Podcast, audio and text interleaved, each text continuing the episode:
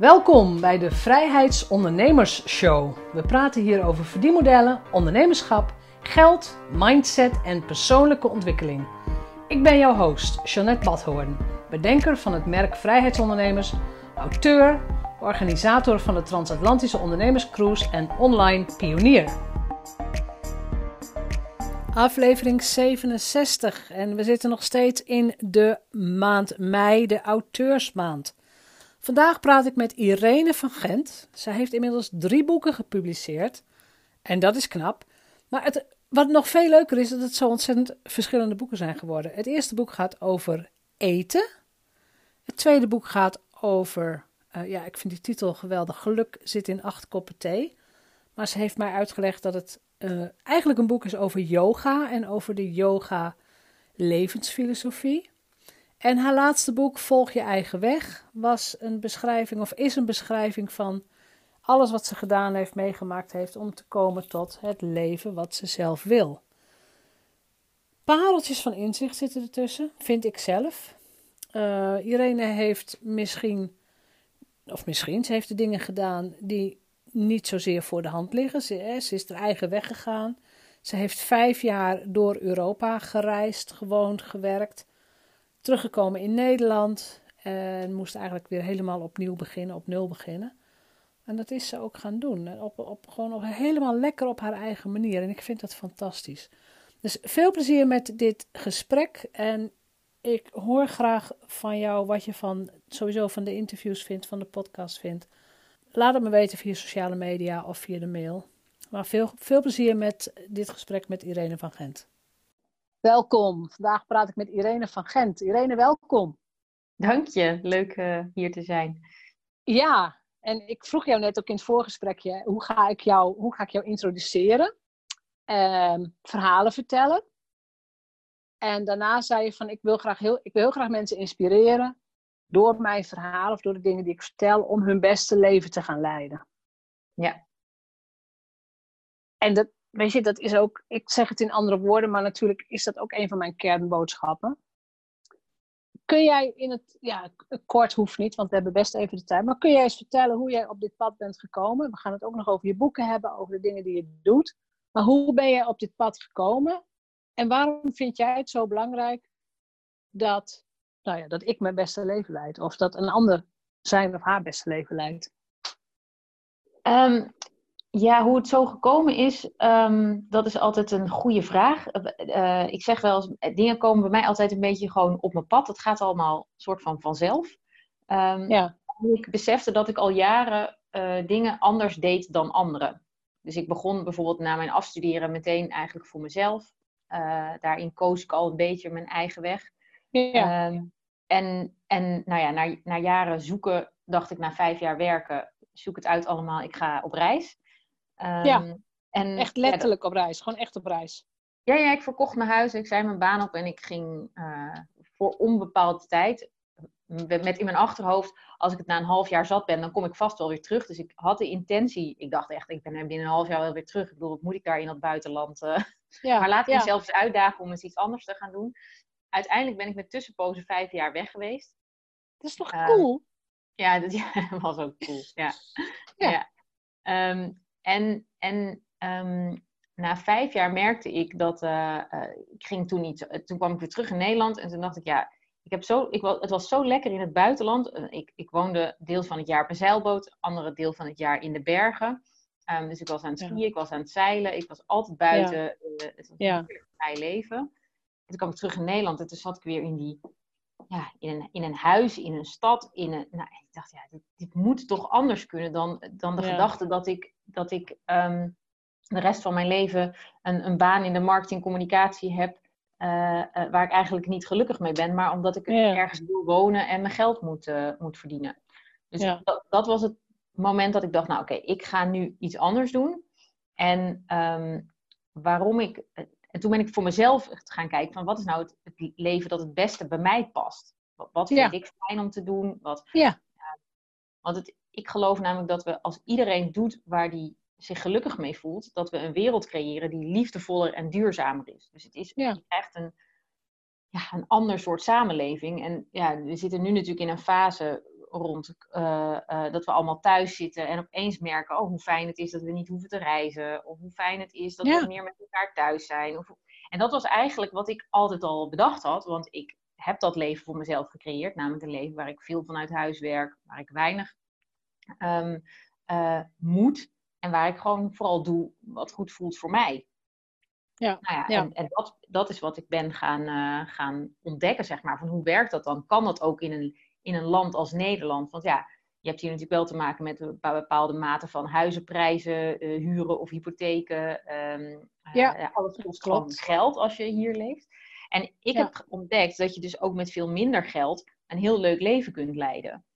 Um, en je gewoon echt andere keuzes gaat maken als je echt precies. waar je heeft met keuzes te maken, ja. blij van wordt. Dus, Heeft ehm, het ook met eigenzinnigheid te maken? Ja, dat, dat denk ik wel. Ik bedoel, de behoefte om het anders te doen, die, die is er altijd wel al geweest. Ja. Ja. Ehm, en misschien ook wel een beetje gedreven vanuit de frustratie van, nou ja, uh, het, is, het, is wel leuk dat we dat allemaal moeten, zeg maar. Ik ben, ben natuurlijk ook ik ben opgegroeid, ik ben um, middelbare school gedaan, toen ben ik gaan studeren, op kamers gegaan. Uh, ja. Nou ja, dan, je komt gewoon in een soort patroon, want als je, ik werd lid van een studentenvereniging en dan ben je lid van, en dan, en dan ik had toen een relatie en dan was het idee, ja, als we dan straks afgestudeerd zijn, gaan we samenwonen, krijgen we kinderen, kopen we een huis, uh, in een jaren dertig wijk zetten we een Volvo voor de deur en dan kopen we een, la of hebben we een Labrador. Weet je, dat is dat was Je beschrijft mijn leven nu.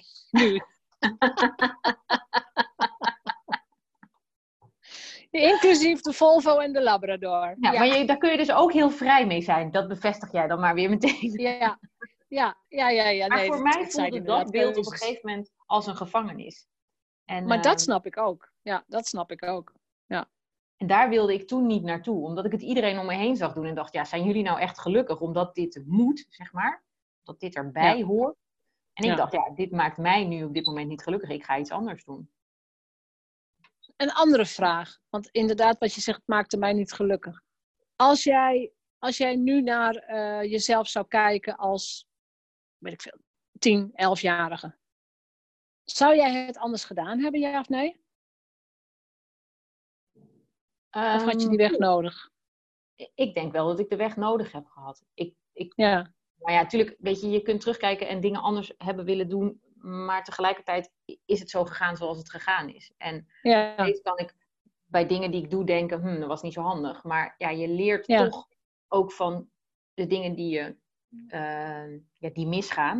Um, ja. En dan kun je ze de volgende keer wel goed doen. Of je doet ze nog een keer niet goed of zo. Maar ik, ja. ik ik, ik had gewild misschien wel in mijn tienerjaren dat er iemand was geweest die mij aan de hand had genomen en mij had uitgelegd wat het betekent om hooggevoelig te zijn. Als ik dat Bijvoorbeeld, had, ja. Dat had ja. als die persoon er was geweest, zeg maar, die mij dat had uitgelegd, wat het betekent om hooggevoelig te zijn, dan was mijn leven misschien anders. Ja, dan had ik andere keuzes gemaakt, maar die was er niet. Ja. En hooggevoeligheid was nog helemaal niet een ding in de jaren tachtig. Nee. nee. Uh, ik zat daar lekker.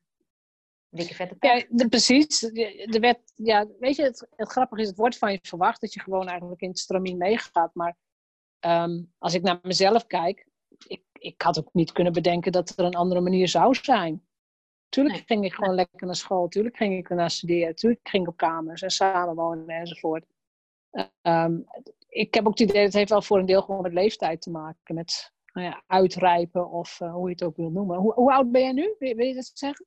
41. 41. Nou, dan ben je nog jong. Nou, dat is fijn. De wereld ligt nog aan je voeten. Ja, ja maar dat nee, ligt toch altijd. Dat is maar net wat je ervan maakt. Ja, dat ligt hier altijd. Dat, dat klopt. Want het is inderdaad, ik merk het ook gewoon aan levensfases. Dat je denkt van ja, goh, ik vond dit misschien niet de leukste levensfase. Of ik vond die periode niet leuk. Of ik vond dit misschien niet leuk. Maar aan de andere kant, je kunt het alleen maar verbeteren door zelf actie te ondernemen. En verantwoordelijkheid te nemen voor de keuzes die je hebt gemaakt. Ja, klopt. Ja. ja. ja. Ehm, de titel van jouw laatste boek vind ik helemaal briljant. En de titel is Geluk in acht koppen thee. Nee, dat is de tweede. De laatste is. of is dat eh, tweede? Volg je eigen weg, ja. ja. De laatste is Volg je eigen weg. Zullen we dan bij boek 2 beginnen en dan straks overschuiven naar Helemaal goed. boek 3? Ja. Dus boek 2 is Geluk in acht koppen thee. Ik vind het een briljante titel. Ja. kun je eens uitleggen wat dat inhoudt? En waarom jij vond dat dat boek geschreven moest worden? Ja, dat kan ik zeker. Ehm, ja, en het, het leuke is ook, het boek heet Geluk in acht koppen thee en het gaat over yoga. Um, nou is het natuurlijk wel zo dat mensen die aan yoga doen veel thee drinken, dus de, daarom past die titel ook wel, uh, wel heel goed. En de acht is, uh, is gerelateerd aan het, uh, aan het achtvoudige pad van yoga, want daar gaat het boek eigenlijk over. Ja. Toen ik um, na die vijf jaar reizen terug in Nederland kwam, kwam ik op een punt in mijn leven dat eigenlijk alles nieuw was. want ik, ik had mijn relatie verbroken, ik had geen inkomen meer, ik had geen onderneming op dat moment die actief was. Um, ik had geen huis om te wonen. Ik woonde op de, toen ik net in Nederland terug was op de zeilboot van mijn, uh, van mijn ouders. En mm. vervolgens um, ging ik uh, van huis naar huis om um, op te passen, want ik had geen vaste ja. woonplaats ja. en ik ja. had geen geld. Dus ik dacht, nou, dat is dan een, een, het enige wat ik had was mijn auto en daar stopte ik dan allemaal spullen in en dan reed ik maar weer naar een volgend huis toe om um, weer uh, ergens te gaan bivakeren. Ja. En ik voelde me eigenlijk een beetje verloren op dat moment. Ik dacht, ja, ja. ik heb iets ik heb een structuur nodig, een ritme, iets wat mij nu met beide benen op de grond zet, terwijl alles zo onzeker en onduidelijk is. Ja. Um, en ik had het half jaar daarvoor had ik een uh, yoga docentenopleiding gedaan in India en daar kwam het achtvoudig pad van yoga steeds naar voren en dat, dat triggerde mij heel erg. Dus ik dacht... Ja, ik ken het niet, dus je mag het gerust uitleggen. Ja, nou, het achtvoudig pad is een van de yoga-filosofies uh, die 2500 jaar geleden is opgesteld. Um, ja. En die de basis vormt van yoga. En we kennen yoga in de westerse wereld vooral als iets wat je doet. Maar eigenlijk is yoga iets wat je bent. Dus het gaat heel erg over zijn, over uh, ja, met jezelf kunnen, kunnen zijn en ontdekken uh, ja, wie je bent, wat je doet en waarom. En in contact komen met je, eigenlijk met je eigen kern. En een daar... soort levensfilosofie? Ja, ja, ja. en dat was ja. wat ik heel graag wilde. Cool. Ik wilde echt ja. yoga als lifestyle uh, uh, delen, omdat ik geloofde dat we daardoor dus ook die liefdevollere en duurzamere wereld mee zouden creëren. Al zag ik dat toen ja. nog niet zo erg. Het was toen vooral een redmiddel voor mezelf toen ik daaraan begon. Um, maar gedurende, ik had een paar, een paar, keuzes gemaakt. Ik, ik dacht, ik ga, ik ga over de thema's bloggen. Uh, dus ik had elke maand had ik een, een ander thema. Um, en dat thema dat nam ik dan mee in mijn, in mijn dagelijkse, dagelijkse leven. En um, nou daarmee, daar schreef ik over. En, um, en, toen had ik dus na een jaar tijd had ik, uh, dat hele verhaal geschreven. En toen dacht ik, ja, het zou een beetje gek zijn als ik dit nu alleen maar op mijn blog laat staan en er niks mee doe. Want ik had al eerder een boek geschreven over eten en dat was al heel leuk om te doen. Ik dacht, ja, het, het logische gevolg is dat er nu weer een boek gaat komen. Dus laat ik ja. dan een boek over yoga gaan schrijven. En dat ben ik gaan doen. En um, ja, dan, dat boek was eigenlijk, dat ontstond vrij eenvoudig. Want ik had dus al die blogs had ik al geschreven, dus dat zette ik achter ja. elkaar. En ik had op een gegeven moment, ik had een, um, uh, het bestaat uit drie delen, dat boek. Dus het eerste deel is mijn eigen persoonlijke verhaal van hoe mijn leven was tot aan het moment dat ik aan het achtvoudige pad begon. Het tweede deel gaat echt over het achtvoudige pad. En het derde deel is hoe je thuis, zeg maar, um, ja, kleine stapjes kunt zetten naar een, een yoga lifestyle. En, um, en dat had ik ook allemaal al geschreven. Dus toen dacht ik, nou ja, dit kan gewoon in één, drie delen, huppatee, zetten we in elkaar, klaar, boek, ja. eromheen. Ja. ja, nou ja, in feite is een boek schrijven natuurlijk ook niks anders dan een verzameling woorden. Uh, als jij ze eerst in een blog hebt gezet, is fantastisch. Ja, ja. ja. Ik, ik vind het wel interessant, want je zei, ik had al een boek geschreven. Kunnen we eens teruggaan naar het moment waarop jij, hè, jij ik, ik praat met jou in het kader van de auteursmaand. Mm -hmm. um, op het moment dat jij bezig was met dat eerste boek, of nog eerder het moment dat je besloot dat er een boek van zou komen? Um, nou, toen ik in 2009 mijn, mijn reis begon, was het enige wat ik zei: ik ga een boek schrijven. En vervolgens zei ik: dat moet een boek worden over hoe je je meest ideale leven kunt creëren. Ja, um, maar waarom, waarom dacht je dat? dat was een heel sterk gevoel. Ik weet niet waarom. Ik vond het leven gewoon heel... Ik vond het heel gek hoe iedereen leefde. En ik dacht, ja, ik doe dat anders. Dus nou, misschien kan ik daar eens een boek over schrijven. Ja, het kwam gewoon, het kwam gewoon in jou op. Van, ik, er moet gewoon een boek over komen. Ja, ja. ja. Uiteindelijk heeft cool. het dus elf jaar geduurd voordat dat boek er nu eindelijk is. Want het, mijn eerste boek is een kookboek geworden. Ja, ja. Een boek over eten, laat ik het zo zeggen. Want het is niet alleen maar een receptenboek, maar het is ook een verhalenboek over eten. over hoe we ons eetpatroon, ja, hoe dat eruit ziet en hoe gek dat eigenlijk is. En wat je anders zou kunnen doen. Ja. Ja, en, en, en ik, ik weet nog dat het, bij dat eerste boek werd het, was het heel sterk op een gegeven moment. Ik had toen een blog over eten. Dus ik schreef al heel veel over eten. En toen dacht ik, nou ja, daar moet dan maar een boek van komen. En ja. Eh, daar was ik mee bezig in het jaar dat een goede vriendin van mij um, een auto-ongeluk kreeg en overleed. En toen dacht ik, het is voor mij, ik wil nu alleen nog maar doen waar ik gelukkig van word. En een van de dingen is een boek schrijven. Het, dat boek heb ik ook aan haar opgedragen en het, ik krijg er nu ook weer helemaal kippenvel van. Ja. Maar dat, is, dat was toen mijn stimulans om dat boek te gaan maken. Ik dacht ja, echt, dat, ja, zoiets. Dat, dat was die hele, die hele harde confrontatie met, uh, met de sterfelijkheid. Ja. Ja. ja. ja. Oh, dat, nou ja, dat, ja ik, ik snap dat wel. En dat inderdaad, dat je zegt van ik wil dit gewoon doen en het maakt me niet uit wat andere mensen ervan vinden. Al doe ik het gewoon voor mezelf, ik ga het gewoon doen. Ja. ja. Is, is dan jouw derde boek, en jouw derde boek heet Volg je eigen weg, is dat eigenlijk het boek wat je, als, wat je eigenlijk elf jaar geleden in je hoofd had? Of, komt of komt er nog een boek? Nou, er komen, nog, ik, er komen waarschijnlijk nog veel meer boeken. Um, Maar dit is wel, dit is wel, ja, weet je, het, die boeken die gaan ook mee met mijn levensfase, met wat ik ervaar en wat, wat ik te delen heb op een bepaald moment. Um, ja, en dit boek is wel echt. Uh, vorig jaar uh, begon ik met het schrijven van dit boek en toen stond ik echt op een punt in mijn leven dat ik dacht, ja, nou, nu vind ik het gewoon echt allemaal niet meer leuk. Het, het, ik vond ook het leven in Nederland weer heel zwaar. Um, maar toen dacht ik, ja, ik kan of gaan, gaan vluchten, of ik kan er nu gewoon een verhaal over schrijven. Um, en toen ben ik eerst een heel negatief verhaal gaan schrijven. En toen zei mijn editor, nou, weet je, zullen we er gewoon een mooi boek van maken? toen zijn we er een mooi boek van gaan maken. Want gelukkig is er dan iemand die, eh, die daarop reflecteert van, vanuit een andere positie. Ja. Ja. ja. Ja, dat was heel fijn. En dus is het nu ja, een, een heel fijn boek geworden. Met, uh, ja, volg je eigen weg. Kun je eens een outline geven? Wat staat erin? Welke ja, levensadviezen zouden wij nu al van jou kunnen leren? Nou, het boek gaat echt over uh, hoe je het leven kunt creëren dat het beste bij je past. En dat gaat wat mij betreft over je eigen ritme ontdekken. Um, en echt volgen wat goed voelt voor jou. En dat betekent dus dat je, dat je heel helder moet hebben, ja, wie ben ik en wat wil ik? En dat is ja. Wel best wel een uitdagende vraag. Want door de drukte van het leven waar we normaal in zitten, ja, heb je helemaal geen tijd om die vraag te beantwoorden. Want er is geen tijd om stil te staan en om een beetje te gaan voelen of tegen een boom te gaan zitten en een beetje voor je uit te staren. Um, en, en dat is eigenlijk wel de essentie van. Ja, zou je ons dat aanraden? vertragen en. Ja, precies, die. Ja, ja, hè, ja. En, en, want weet je, die vertraging die zorgt dat je echt gaat ontdekken wat belangrijk is en wat niet.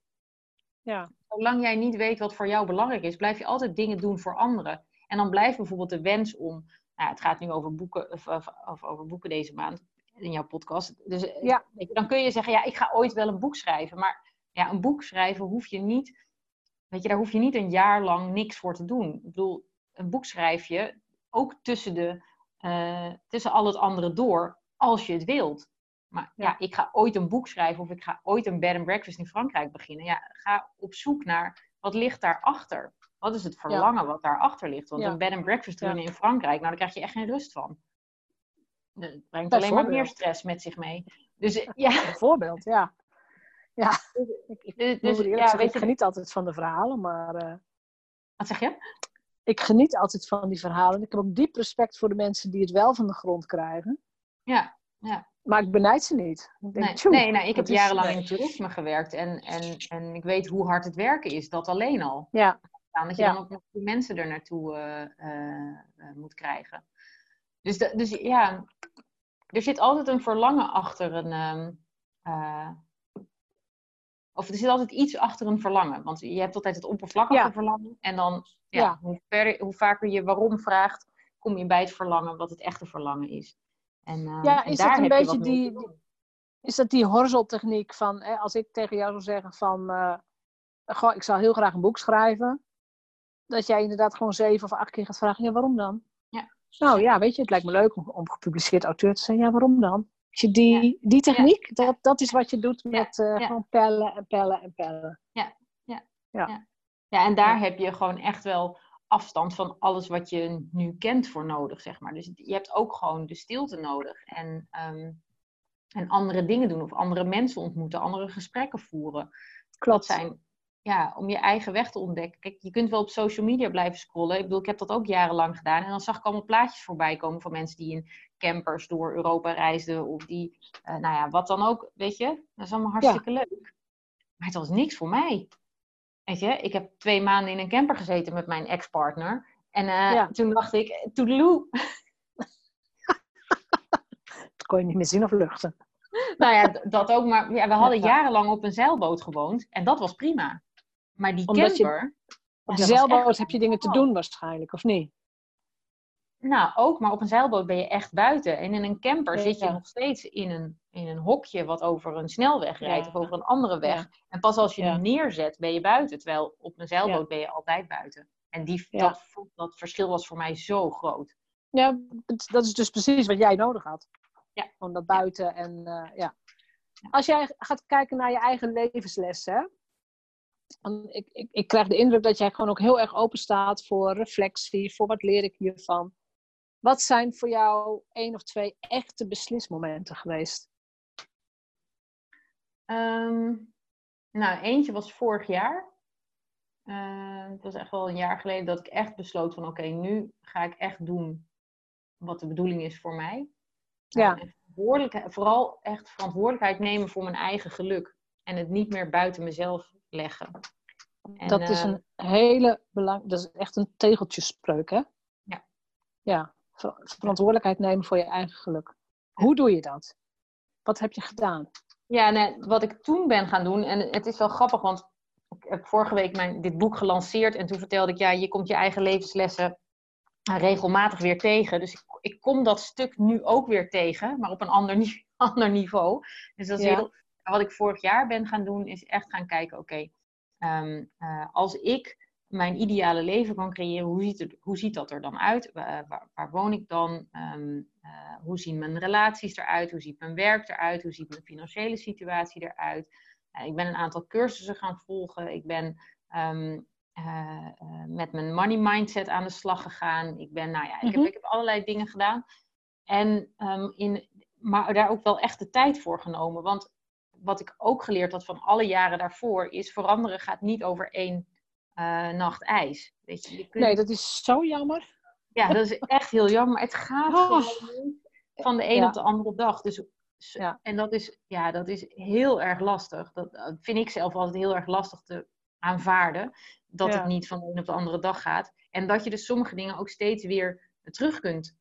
eh, of dat sommige dingen steeds weer terugkomen. Dat je denkt, nou, nu heb ik dat wel, heb ik hem daar wel mee gedeeld. Ik kijk er nu anders naar. Het zal nu wel lukken. Nou, en dan, en dan zie je jezelf of weer hetzelfde doen. Of je doet het op een iets andere manier en dan gaat het weer mis. Of dat je echt Ja. denkt, ja, weet je, wat, wat, is, wat heb ik hier te doen? En tegelijkertijd ehm, le- leer ik door de jaren heen, want ik denk dat ik nu de afgelopen vijf jaar wel echt heel bewust met mijn eigen eh, ontwikkeling bezig ben geweest. En, en kijken naar wat, wat, welke gedachten heb je, eh, hoe kun je ehm, rustiger worden, hoe, nou ja, allemaal dat soort dingen. Ehm, dus die bewustwording, daar ben ik heel, heel ehm, actief mee bezig geweest de afgelopen vijf Mhm. jaar. En ja, ik merk gewoon dat het makkelijker wordt als er moeilijke dingen op mijn pad komen nu. Dus als ik nu weer in, in iets tegenkom wat ik al ken, denk ik, oh ja, oh nu zit ik er weer in. Terwijl vroeger kon ik dan enorm in een soort van drama gaan zitten en denken, oh ik ben zo zielig en hoe, oh, het overkomt mij weer. En ja, nou, Ja, ja, ja, overkomt het me inderdaad weer.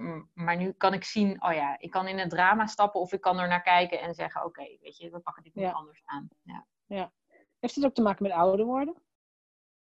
Ja, dat denk ik wel, want je bent natuurlijk, ja, je maakt dingen vaker mee. Dus, eh, dus je, je kunt, het kan met ouder worden te maken hebben, maar het heeft ook wel echt, durf je er naar te kijken. Ja. Want als je Ja, niet durf durft te kijken naar dat wat je steeds op dezelfde manier doet, en wat je niet helpt, en dan, Ja. dan schiet je er natuurlijk niks mee op. Maar als je, als je ernaar kunt kijken en zegt, oké, weet je, ik wil hiervan... En zaten daar bij jou patronen van pijn of schaamte? Of eh, staat daar iets onder? Eh, nou, ik begin nu ehm, eh, wel te ontdekken dat er, dat er eh, op sommige punten wel enorm veel schaamte heeft gezeten. Ja. Ehm, eh, en ook gewoon echt enorme overtuigingen. Ja. En dat is waarom ik zei van het komt nu weer terug. Ik ben deze, toevallig deze afgelopen week enorm ehm, aan het ontdekken wat mijn grootste overtuigingen zijn, die mij echt geen stap vooruit helpen. Ehm, hmm. En die heel hardnekkig zijn. Dus dat is echt Dan zijn we natuurlijk heel benieuwd welke dat zijn. Ja, nou ja, die, die, um, ik, ik, ik, ga de minst kwetsbare natuurlijk. nee, um, het is goed. Uh, het, het, heeft voor een deel met, met oordelen te maken naar mezelf en naar anderen. Ja. bijvoorbeeld over geld. Geld is wel echt een ding in mijn leven. Oh, daar wil ik het heel graag nog over hebben. Ja? En, de, en toevallig, ik vertelde je al dat ik naar, de, naar jouw podcast met Esther had, uh, had zitten luisteren. En, uh, Esther de Sharon, ja. ja. En toen dacht ik echt, oh my goodness, zij zegt echt alles wat ik doe. of zij deed alles wat ik nu doe. ja. ja. Dat is zo herkenbaar. Um, om, um, ja, weet je, dat, dat, dat jezelf klein houden door, door uh, bepaalde waarden wel of niet toe te kennen aan, aan dat wat je doet. En uh, die zelfwaardering, ja, die is wel, die was wel heel hardnekkig bij mij. Ja, is hardnekkig bij mij. En, en, um, en dat is nu iets om, om mee, mee verder te werken, zeg maar. Om die zelfwaardering te verhogen. Ja. Het is ook wel mooi dat je dat zegt, want um, ik doe natuurlijk nu eh, sowieso hè, veel interviews, veel gesprekken. Mm Bottom line komt zelfwaardering, eigenwaarde. Die begrippen komen voortdurend weer terug. Dus om, om inderdaad echt next level te gaan of um, nou ja, zoals andere mensen zeggen, in je grootsheid te gaan staan. Begint allemaal bij dat stukje zelfwaardering. Ja. En dat is, dat is iets, ik, ik denk ook dat het misschien een soort levenslange ontwikkeling is. Ik heb geen idee. Maar het is ook iets waar je, als je je ervan bewust bent, dat je, dat je jezelf klein praat of dat je zelf je grootste criticaster bent, dan denk je, oh, ik doe het weer. Oh, nee, dat gaan we niet doen. We gaan, we gaan van onszelf houden. Oké, hoe gaan we verder? En hoe is dat voor jou geweest? Ja, ook op die manier. Dat ik dacht van, ja, maar dit helpt gewoon helemaal niet. Nee. Dus hè, de, de, en ook de identiteit aannemen van hè, ik ben auteur, ik ben spreker.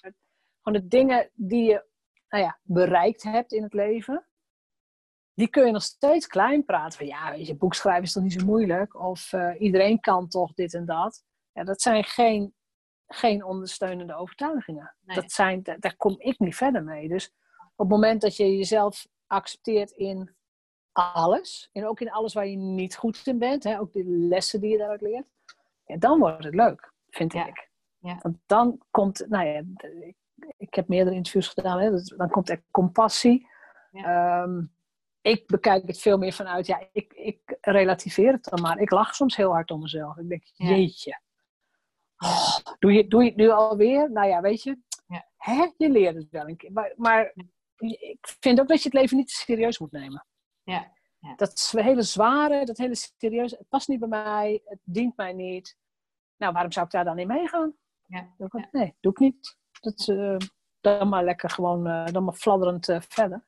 Ja. Als ik daar gelukkig mee ben, dan vind ik dat helemaal prima. Maar ik, het is ook heel, heel interessant, want ik heb ook deze week een interview gehad met Saron Petronilia, heet ze, over de, over de vrouw en de overgang.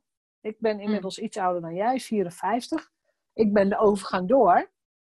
Maar we hebben echt zo'n heel gesprek gehad over wat verandert er in de in breinen van vrouwen in de overgang. Wat, wat gebeurt er met je hormonen? Wat gebeurt er ook met je levensfilosofie? En eigenlijk, weet je, ik kan nu die positie omarmen van, uh, zij zei dat ook zo, hè, na je overgang ben je gewoon de wijze vrouw. Dan ben je de vrouw die al heel veel heeft meegemaakt, die kan reflecteren. Ehm, je hoeft ook heel veel dingen niet meer, weet je. Ik hoef geen kinderen meer te krijgen of uh, de ja. datingmarkt op of weet, weet ik veel. Het, en dat is zo'n ontzettend relaxte positie. Ja, ja klopt. Dat maakt je als ondernemer ook losser. Tenminste, dat gevoel heb ik. Ik denk, ja, weet je, ik doe het maar gewoon. Want wie weet hoeveel jaar ik nog heb. Misschien ben ik er over 10, 20 jaar niet meer. Dat weet je niet. Nee. Dus waarom, ja, waarom zou ik het niet doen, denk ik dan. Ja. het is ook wel mooi, dat woord overgang überhaupt al. Je gaat over naar een nieuwe, nieuwe fase. Ja. Je gaat over naar een nieuwe fase. En ik, het is ook, ook hoog tijd dat we daar met z'n allen van gaan genieten. Ja. Hè? Net als dat je van, van kind naar puber, naar adolescent, naar volwassene. Nou ja, als je eenmaal die volwassenheidsfase hebt gehad, dan komen er dus weer nieuwe fases. Zowel voor mannen als voor vrouwen. Ja, klopt. Dus dat is heel leuk. Als we nog eens teruggaan naar, ehm, naar die boeken, hè? naar je boeken. Kun je ook gewoon inhoudelijk wat dingen vertellen over... En het maakt me niet uit of je de, de acht koppen thee of de volg je eigen weg. Mhm. Kun je inhoudelijk eens iets, iets ingaan op de boeken? Ja, nou de essentie denk ik van alle boeken die ik heb geschreven is ehm, dat het je helpt om dichter bij jezelf te komen en dus het leven te creëren dat het beste bij je past. Uh, Geluk in acht koppen thee gaat echt over de yoga filosofie en mijn ervaring daarmee. Waarmee het een boek is dat uh, niet alleen voor iedereen die aan yoga doet, maar ook voor um, uh, yoga-docenten een hele fijne handleiding is. Ja.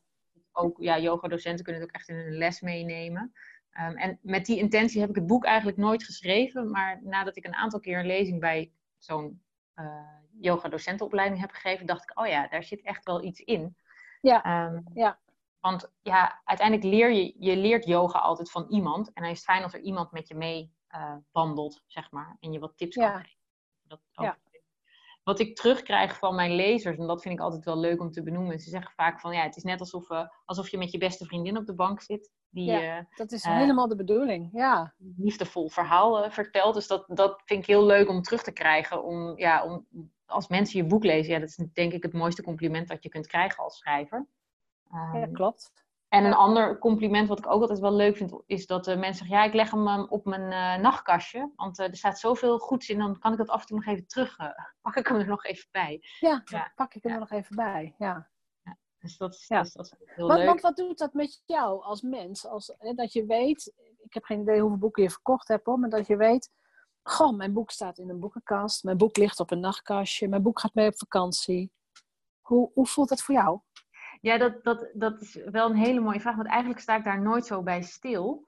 Um, omdat ja, op het moment dat me- mensen een boek van je hebben, ben je het eigenlijk een soort, ja, kwijt is niet een goed woord, maar misschien ook wel, weet je. Ze, ze, ze hebben een boek in handen en daar gaan ze iets mee doen. Ja, wat ze ermee doen, weet je, ja, meestal gaan ze het lezen, of ze geven het cadeau, of ze leggen Ja. het in de kast en lezen het überhaupt niet. Um, maar ik vind het soms wel moeilijk om te beseffen dat ze dus met jouw verhaal op de bank gaan kunnen gaan zitten. Of op het strand. Ja. Of, en dan krijg ik wel eens een Ja. foto dat ze het aan het lezen zijn. Oh ja, ja, dat gebeurt dus wel. Ja, En tegelijkertijd vind ik dat dus iets heel ongrijpbaars. Maar dat, dat denk ik ook wel eens, namelijk met boeken die ik zelf dan lees. Um, ja, ik koop een boek in de winkel. Laatst weer, eh, komt de laatste tijd niet heel vaak voor dat ik boeken koop. Maar dan koop ik een boek in de winkel. Maar die schrijver die weet helemaal niet dat ik dat boek heb gekocht. nee. En als ik niet na- naar de schrijver, niet. schrijver terugkoppel dat ik het gelezen heb en wat ik ervan vond, ja, Ja. dan zal die nooit weten wie zijn lezer is. En ik denk dat Nee. dat met, met de helft van mijn lezers net zo goed zo is. Nou, misschien wel met, met, met 75 procent. Mensen die Klopt. ik niet ken en die mijn boek gelezen hebben, maar die Ja, ook niet naar mij teruggereageerd hebben. Er zijn maar weinig mensen die, eh, die een berichtje sturen, inderdaad. Ja. Ja, ja. Het is trouwens een oproep aan iedereen die luistert. En je hebt een boek in de kast of je hebt een boek gelezen en je bewondert het boek. Stuur Ja. de auteur een berichtje. Je hoeft alleen maar te zeggen, dankjewel voor dit boek. Ja, ja. Ja. Ja, Ja. ja dat was ook mijn gedachte vanochtend toen ik naar jouw podcast a- een eh, andere aflevering aan het luisteren was. Dacht ik, ja, het is wel leuk als mensen dan laten weten wat ze ervan vinden. Want het kan ook zo Ja. vluchtig voorbij gaan, dat, dat luisteren naar zo'n eh, naar Ja. een podcast. Ja. Terwijl Ja. het, het zet vaak wel heel erg aan het denken. Ik bedoel, mensen die mijn podcast luisteren, hoop ik ook dat ik ze inspireer om iets anders te doen. Of dat ze, nou ja, Ja. in ieder geval een leuk uurtje Ja. hebben gehad om naar te, om naar te luisteren. Ja, nou ja, ja. Want dat is misschien wel het, het, het, ja, het lot, klinkt natuurlijk negatief. Het lot van de creator, of de, de, nou ja, de persoon die het maakt. Als het eenmaal weg is, is het weg. En er gebeuren dingen mee. Ik, ik weet het ook niet. Ik weet ook niet of, of in, wanneer mensen naar mij luisteren, wanneer mensen de boeken lezen. Ja. Maar ik weet wel dat het gebeurt. Want het zijn inderdaad die momenten dat je zegt, iemand stuurt ineens een foto vanaf de skipiste met, Ja. met het boek. Of... Ja. Ja. Als we het over- toch over boeken hebben, welke boeken hebben op jou onuitwisbare indruk gemaakt? Ehm, nou, ik denk dat het het belangrijkste boek is dat mijn leven op zijn kop heeft gezet. Het boek van Elizabeth Gilbert was. Eat. Pray, Love. Eat, Pray, Love, ja. Ja. Ja. En, Volgens en- mij is de film tegenwoordig op Netflix te bekijken. Ja, Eten dat geloof ik ook binnen. inderdaad. Ja. Ja. Ja, ja. De film is overigens een stuk minder, vind ik, dan het boek. Maar Het, de film is altijd slechter dan het boek. Altijd. Ja. ja. ja, dus, Ja. dus ja, dat was. Wat, dat wat, was wat heeft het boek gedaan? Nou, dat heeft, dat heeft eh, ervoor gezorgd dat ik dus ook een soort Eat, Pray, Love reis ging maken.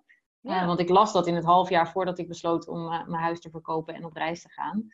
En ja, dat, dat heeft zo'n zo'n impact achtergelaten dat het... ehm, eh, Ben je ook in Italië begonnen dan? Of, ja. Nee, ik, nee begon, officieel begon ik in Frankrijk. Maar ik oh, heb je ook lekker eten, ja. ja, na drie weken in Frankrijk ging ik naar Turijn en daar heb ik vervolgens drie maanden gewoond.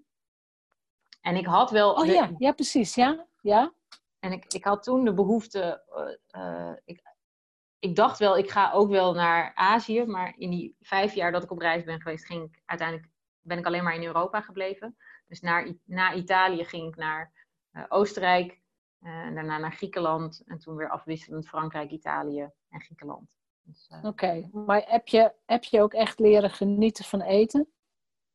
Ja, ja. Ja, ik Ja? ben toen in Italië ben ik in de slow food wereld ge- eh, gedoken. En daar ben ik ook Ja. gaan bloggen en schrijven over, over dat wat ik van eten vond. En, en hoe die wereld in elkaar zit. en Hoe fantastisch? gek het eigenlijk is, ja. Maar ja, als er één land is waar je, waar je gewoon naartoe moet om te eten, is het Italië wel. Ja, dat zijn natuurlijk foodies eh, in de overdrive. Ja. Ja. Eat, pray. En pray, waar heb je, waar heb je de stilte gevonden? Waar ben, ja, bidden klinkt natuurlijk heel religieus, maar waar ben je eh, begonnen met nou ja, bezinning Ehm, of met stilte? Ja, dat was eigenlijk al voordat ik op reis ging. Want doordat ik yoga ben gaan doen, dat was de andere aanleiding om op reis te gaan. Ja. Ehm, Maar toen ik terugkwam in Nederland en aan het achtvoudig pad begon, dat heeft wel de, de, mijn meditatie en mijn yoga ehm, regelmaat gegeven. Want toen Ja. heb ik mezelf echt bewust gezegd: oké, elke ochtend doe je dat. Uh, Dan, als je dat maar doet, dan, weet je, dan Ja. heb je je dag in ieder geval al een beetje Ja, eh, richting. het is dus, eh, bij jou is het gewoon verstrengeld geweest. Niet, het is niet chronologisch, zoals het in het boek lijkt. Nee, nee, maar ik, ja, ik vind het ook wel lastig, want volgens mij kan dat ook helemaal niet. Nee, het is mij een ga- Dus, het is een boek, dus misschien je, in je leven loopt altijd alles door elkaar. Ik bedoel, ik heb nou niet het Ja. idee dat ik... Ik probeer dat wel eens, maar het werkt gewoon niet zo. Ik kan niet zeggen, Nee. nou, nu richt ik me even niet op liefde en ga ik me even alleen op iets... Nou, dat werkt gewoon niet. Nee, nee, nee. Want waar, waar kwam jij de love tegen in dit verhaal? Ehm, ja, die, nou, de, de man en liefde, die kwam ik te- te- uiteindelijk tegen in Nederland. Eh, ook zeg maar op een paar honderd meter afstand van waar ik zelf ooit had gewoond. Nou Eh, ja, Ja, dus, dus dat is. Dat we elkaar nooit eerder waren tegengekomen was eigenlijk wel een wonder. Want we, we hadden ook al in dezelfde omgeving gewerkt. En, en we woonden dus bij elkaar in de buurt. Dus het was eigenlijk wel gek dat we elkaar nooit eerder hadden ontmoet. zo, zo, it, was meant to be eigenlijk, een beetje zo'n verhaal. Ja, Ja. Zo, eh, ja. Ja. En, ehm, eh, ja, en, dan, en dan komt er natuurlijk dat stuk van zelfliefde. Dat, dat, dat is denk ik nog wel een veel essentiëler punt. Eh, Ja, uiteindelijk wel, ja. maar. En dat, dat, dat begint steeds sterker te worden. Dus die zelfwaardering, die zelfliefde. Het is wel iets, en dat vind ik, soms kan ik daar heel een beetje bozig over worden. Dan denk ik, hoezo hebben wij als mensen niet vanaf onze jeugd geleerd om van onszelf te houden? Hoe moeilijk kan het zijn?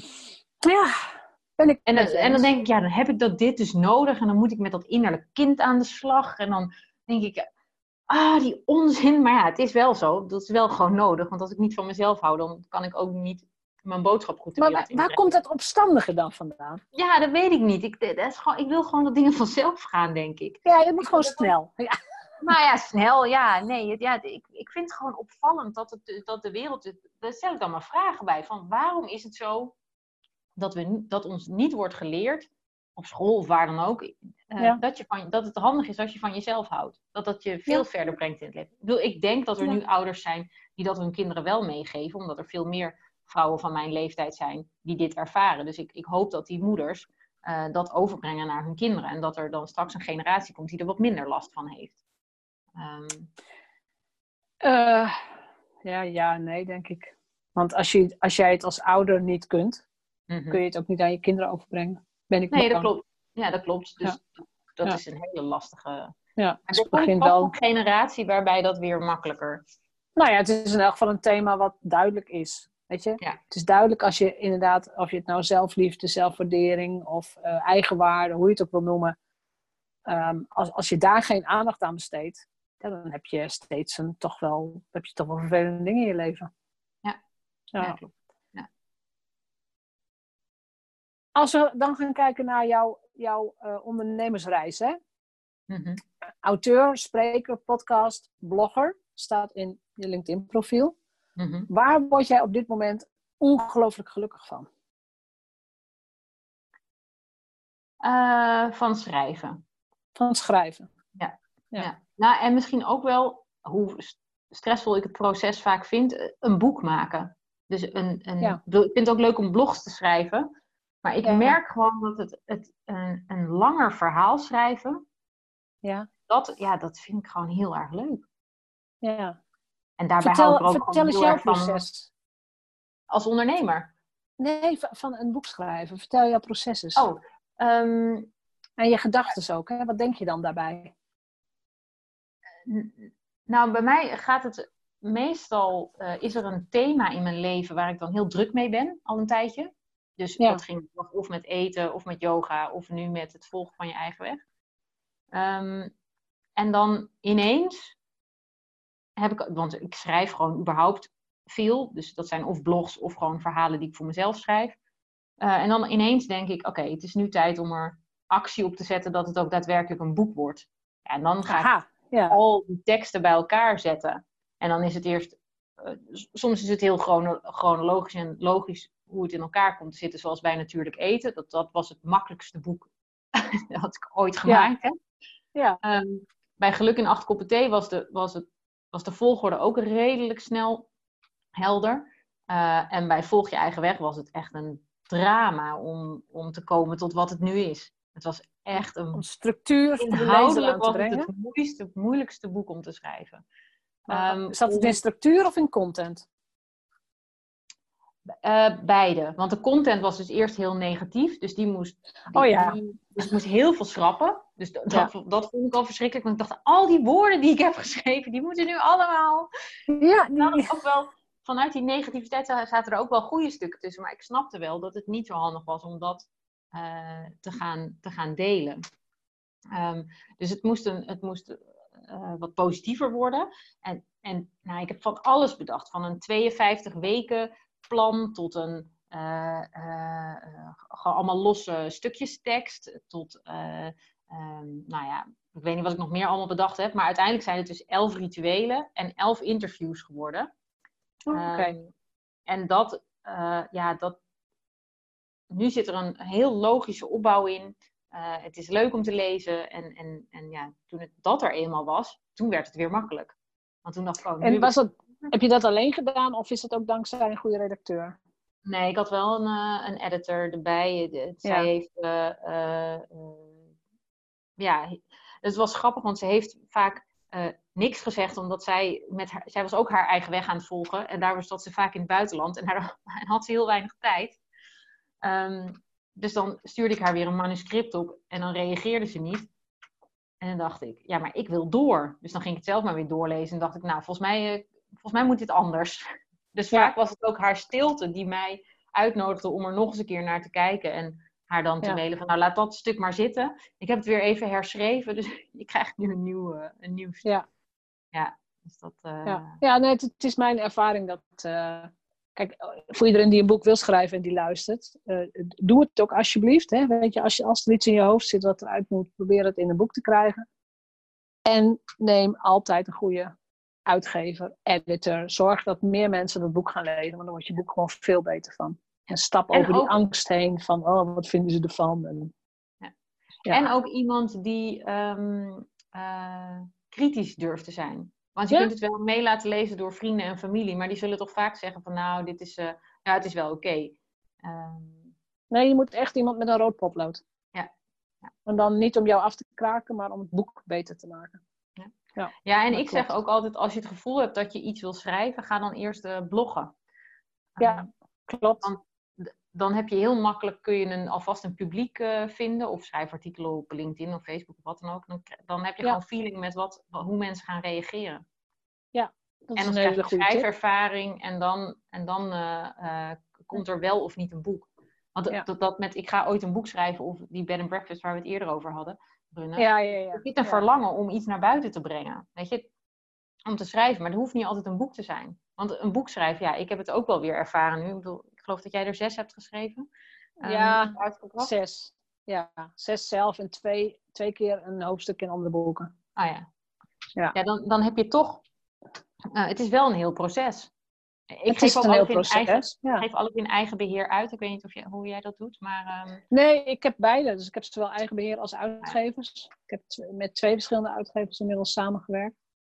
En uh, ik vind dat het uh, allebei aan te raden is. Maar het, hangt ook van je doel af. En het hangt ook van um, uh, wat, ja, wat je met het boek wilt bereiken. Maar het grappige is, mijn eerste boeken waren meteen bij een uitgever. Mm -hmm. 2011, 2012. Dat waren meteen heel goed verkopende boeken. Mm Nou, dat is natuurlijk leuk, hè? want uh, als het eerste boek goed verkoopt, daar word je heel blij van. En dan groeit je ja. zelfvertrouwen en denk nou, oké, okay, ja. dit trucje kan ik dus. Ja. Maar wat er dan gebeurt, is dat je, dat heb ik tenminste meegemaakt. Ik ben ook benaderd door andere uitgeverijen. Om een boek te schrijven over een thema wat zij al op de lijst hadden staan. Dus uit, uitgevers hebben ook gewoon lijsten met boeken die, geschreven, die zij geschreven willen hebben. Okay. Dus thema's, onderwerpen. En dan gaan ze gewoon een auteur bij zoeken. Wist ik ook niet. Maar nee. Zo werkt dat dus. Ja. ja. ja. Nou, prima. En uh, daar heb ik ook ja tegen gezegd. Ik denk, nou, oké, okay, uh, ga ik dat ook doen. Maar ik schrijf ook heel graag. Dus het proces van gewoon lekker zitten en nou ja, schrijven. Heb je ook het idee dat als jij schrijft, ben je ook echt in flow? Dat kan ik wel zijn, ja. Niet, niet altijd. Maar, want ik heb mezelf ook wel eens... Ik, als ik echt weer een boek wil maken, dan stimuleer ik mezelf om elke ochtend dan een paar uur te gaan schrijven. Ja. Ja, en soms uh, is dat dan echt een gevecht. Ja, dan is het echt arbeid. Dan is het ja, echt. Ja, uh, ja, ja. ja, ja. En Kun jij eens gewoon... beschrijven hoe flow voor jou eruit ziet? Want dat is ook een thema waar ik vaak over praat. Um, ja, dan kan ik gewoon het gevoel dat ik uren door kan gaan. Ja. Dat, dat, het, ja, dat de woorden stromen, dat ik enthousiast ben over dat waar ik mee bezig ben. Um, dat ik niet moe word. Uh, dat het gewoon, en dat ik gewoon ja. door. Dat ik, dat, ik ga, dat ik ergens aan een klus begin. En dat kan een boek schrijven zijn, maar dat kan ook iets anders zijn. En dat ik gewoon ja. niet de behoefte heb om te stoppen. Ja. En ook het gevoel, ik weet niet of jij dat kent, dat je een stuk tekst van jezelf leest, een paar dagen later, een paar weken, en dat je, dat je denkt, heb ik dat geschreven? Ja, ja, ja. ja, ja. ja. Dat kan ik wel eens hebben als ik mijn boek opensla. Ja, ga ik dan lezen en dan denk ik, huh? Nee, dit is niet... Ja, nou ja, Hij heeft dan met zo'n met zo'n erkenning van je eigen talenten te maken. Maar dat je dan ja. denkt, oh, dit zijn wel echt een paar hele goede zinnen zo achter elkaar. Ja, nou, maar dat is ook wat ik dus probeer uit te vinden bij andere auteurs. Van hoe werkt dat? Want ik heb dat zelf ook. Ik denk, heb ik dat geschreven? Nou, best leuk eigenlijk, weet je zo. Op die manier. Ja, dat, maar dat is volgens mij flow. Er gebeuren dingen en je bent helemaal lekker bezig. En nou ja, het, het stroomt door je heen. Ja. Laatste onderwerp waar ik het graag met je over wil hebben. Money mindset, geld. Je zegt, daar ben ik mee aan de slag gegaan. Moet je echt met mij zijn, money mindset? Ja, nou ja, ik, uh, ik ben money mindset coach, dus ik, uh, ik praat er graag over. Ja. ja. Wat, je hoeft je niet al je worstelingen te vertellen hoor, maar wat was de trigger voor jou om ermee aan de slag te gaan? Um, nou, een paar maanden geleden um, had ik besloten dat ik uh, um, voor mijn nieuwe boek een crowdfunding campagne zou starten. En dat ik. Um, uh, en mijn initiële gedachte was: dat red ik makkelijk. Geen enkel probleem. Ik had een bedrag in mijn hoofd en, en dan kan ik dat bedrag zien en dan denk ik: nou, dat is een piece of cake. Zoveel geld is het niet. En het is me niet gelukt. Je bent wel de crowdfunding gestart? Ja, ik ben het wel gestart. En, het, uh, en ik kreeg het geld niet bij elkaar. Hmm. En dat, dat was een moment dat ik dacht: oké, weet je, wat gaat hier nou, wat gaat hier nou mis? Wat, hoe kan ik nou bij aanvang van dit traject bedenken of voelen dat dit gewoon gaat lukken? En gedurende de tijd wordt het gewoon één groot fiasco. bedoel, het is niet dat ik, ik heb de helft binnengehaald, dus het was niet zo'n groot fiasco, maar het was wel een 50% fiasco. Ehm, en toen dacht ik, ja, er gaat hier iets mis in dat ik dus kan zien dat geld, dat, dat bepaalde bedragen helemaal niet veel of weinig zijn. Weet je, dat, dat, het gaat niet over Klopt. bang ben voor grote bedragen of zo, dat is het helemaal niet. Maar er zit dus wel iets op dat ik het niet durf te vragen of zo. Want ja. Ja. als je een crowdfunding gaat starten, dan ben je dus gewoon continu om geld aan het vragen. Ehm, Dat is een framing. maar dat voelde dus zo. Ja, dat is precies. Ja. Nou ja, dat is dus precies. ehm, want wat ik Ja. niet zag, was dat ik dus eigenlijk niet zozeer een crowdfunding aan het doen was, maar ik was gewoon mijn boek aan het voorverkopen. Ja, je was gewoon een voorverkoop. Je gaat ook waarde leveren voor iets. Ja. is waarde leveren, want je verkoopt alvast iets. Dus mijn mindset was zo gepind op: ik moet om geld vragen om dit boek te kunnen maken, Ja. eh, dat ik daardoor dus elke keer op blokkeerde. En dat dus niemand dat Ja. boek ging. Of niemand. eh, je, er zijn mensen die het boek gekocht hebben. ehm, maar niet zoveel als dat ik gewild had. Wat zou er zijn gebeurd als je was gaan zitten op dit wordt een fantastisch boek? Je kunt het nu al bestellen en ik lever het uit op 1 augustus of nou ja, willekeurige datum. Wat, wat zou er zijn gebeurd in je hoofd? Ehm, nou ja, daar komt dus dat hele stuk zelfwaardering naar boven. Want dan moet ik, moet ik dus gaan zeggen over een boek wat nog niemand gelezen heeft, dat het een fantastisch boek is. Nou, Ja, daar komt, dat, dat was dus voor mij echt een enorme eh, uitdaging om dat al te kunnen zeggen. Ja, En dat, dat, nou ja, dat, dat, dat is dus waar, waar mijn, als we het hebben over money mindset, gaat bij mij heel erg over mijn eigen talent en waarde zien. ja, ja, ja, ja. dat is een, van- een van de vier belangrijkste ehm, eh, blokkerende geld, of geldblokkades. Ja. Als je nu naar het boek kijkt, het boek is geschreven, durf je er nu gewoon met droge ogen te zeggen: het is een fantastisch boek? Ja, ja. Ja. Want het is gewoon een fantastisch boek, ja. En Ja. niet alleen omdat de tekst zo goed is, maar ook omdat het er heel mooi uitziet. Ja. Dus als en- mensen het en, alleen maar willen hebben omdat het er zo mooi uitziet, vind ik het, vind ik het ook goed. Ja. Nou ja, Nee, maar voor mij is een boek echt een- sowieso ook geweldig. Ja, ja. Nee, maar ik, ik, we hebben ook van de vorm weer iets heel moois kunnen maken. Dus dat, daar ben ik ook heel Ja. blij mee. Maar nee, de inhoud is gewoon, het is gewoon een heel fijn boek om te lezen. En, ehm, Ja, dat is heel belangrijk. En als ik jou op mijn nachtkastje heb, met wat voor soort. En ik, en ik lees elke avond eh tien bladzijden of zo. Welke, met wat voor soort energie ga ik dan slapen? met het gevoel dat alles mogelijk is. Hmm. Maar dat je er wel iets voor moet doen. Dat is, dat is toch een fantastische eindzin ook. Ja. Ja, alles is mogelijk. En ja, je moet er iets voor doen. Ja, dat, dat, is, dat is gewoon zo. Ja. Is er nog iets, iets als laatste wat je wilt meegeven? Want het is eigenlijk ook iets wat ik altijd vraag. Is er iets wat je mee wilt geven aan de mensen die nu luisteren?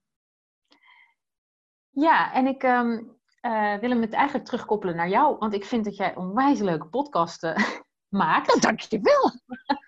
Dus als je dit de eerste is die je luistert, luister ook een paar andere. Want het zit echt, eh, je hebt mij in ieder geval geïnspireerd. Ehm, Dankjewel. En, eh, eh, ja, nou ja, dat. En ik vond het een heel leuk Ja. gesprek. Dus, dus als ik Ja. iets mag teruggeven, dan is het, dan is het dat. Ja. Ook dankjewel. Dat vind ik super om te horen. Helemaal goed. Mag ik jou hartelijk bedanken voor dit gesprek? Want inderdaad, wij kennen elkaar nog niet zo goed. Ik heb het gevoel dat ik jou nu weer iets beter ken. Eh, jouw boek komt ook wel weer ergens op mijn weg. Weet je, ik, ik lees heel graag boeken en ik, nou, ik verslind boeken altijd al. Ehm, dus daar ga ik ook wel weer doorheen. Ga ik ook wel weer gewoon kijken en leren. En eh, ik leer ook weer van andermans reizen en worstelingen. En uiteindelijk zijn we allemaal hetzelfde. Daar komt het op neer. Ja. ja. Ook Dus al dat is willen we nog zo graag allemaal anders zijn. Toch? Ja, weet je, en het is helemaal goed om daar gewoon over te praten. En natuurlijk, iedereen kiest zijn eigen weg. Maar uiteindelijk de worstelingen, de blokkades, de stemmetjes. Als je, dat, dat, als je die weg aandurft, ja, dan, gaan, dan gaan inderdaad dingen veranderen. En dus ook je leven. Ja, goed. Dankjewel. Jij ook, dankjewel. Bedankt voor het luisteren naar de Vrijheidsondernemers Show. Geef de show een review op iTunes. Als vrijheidsondernemer werk je waar, wanneer en met wie jij wilt. Dat gun ik jou ook. Ik weet dat het kan. En bij de juiste keuzes is vrijheid ook voor jou mogelijk. Op jouw vrijheid!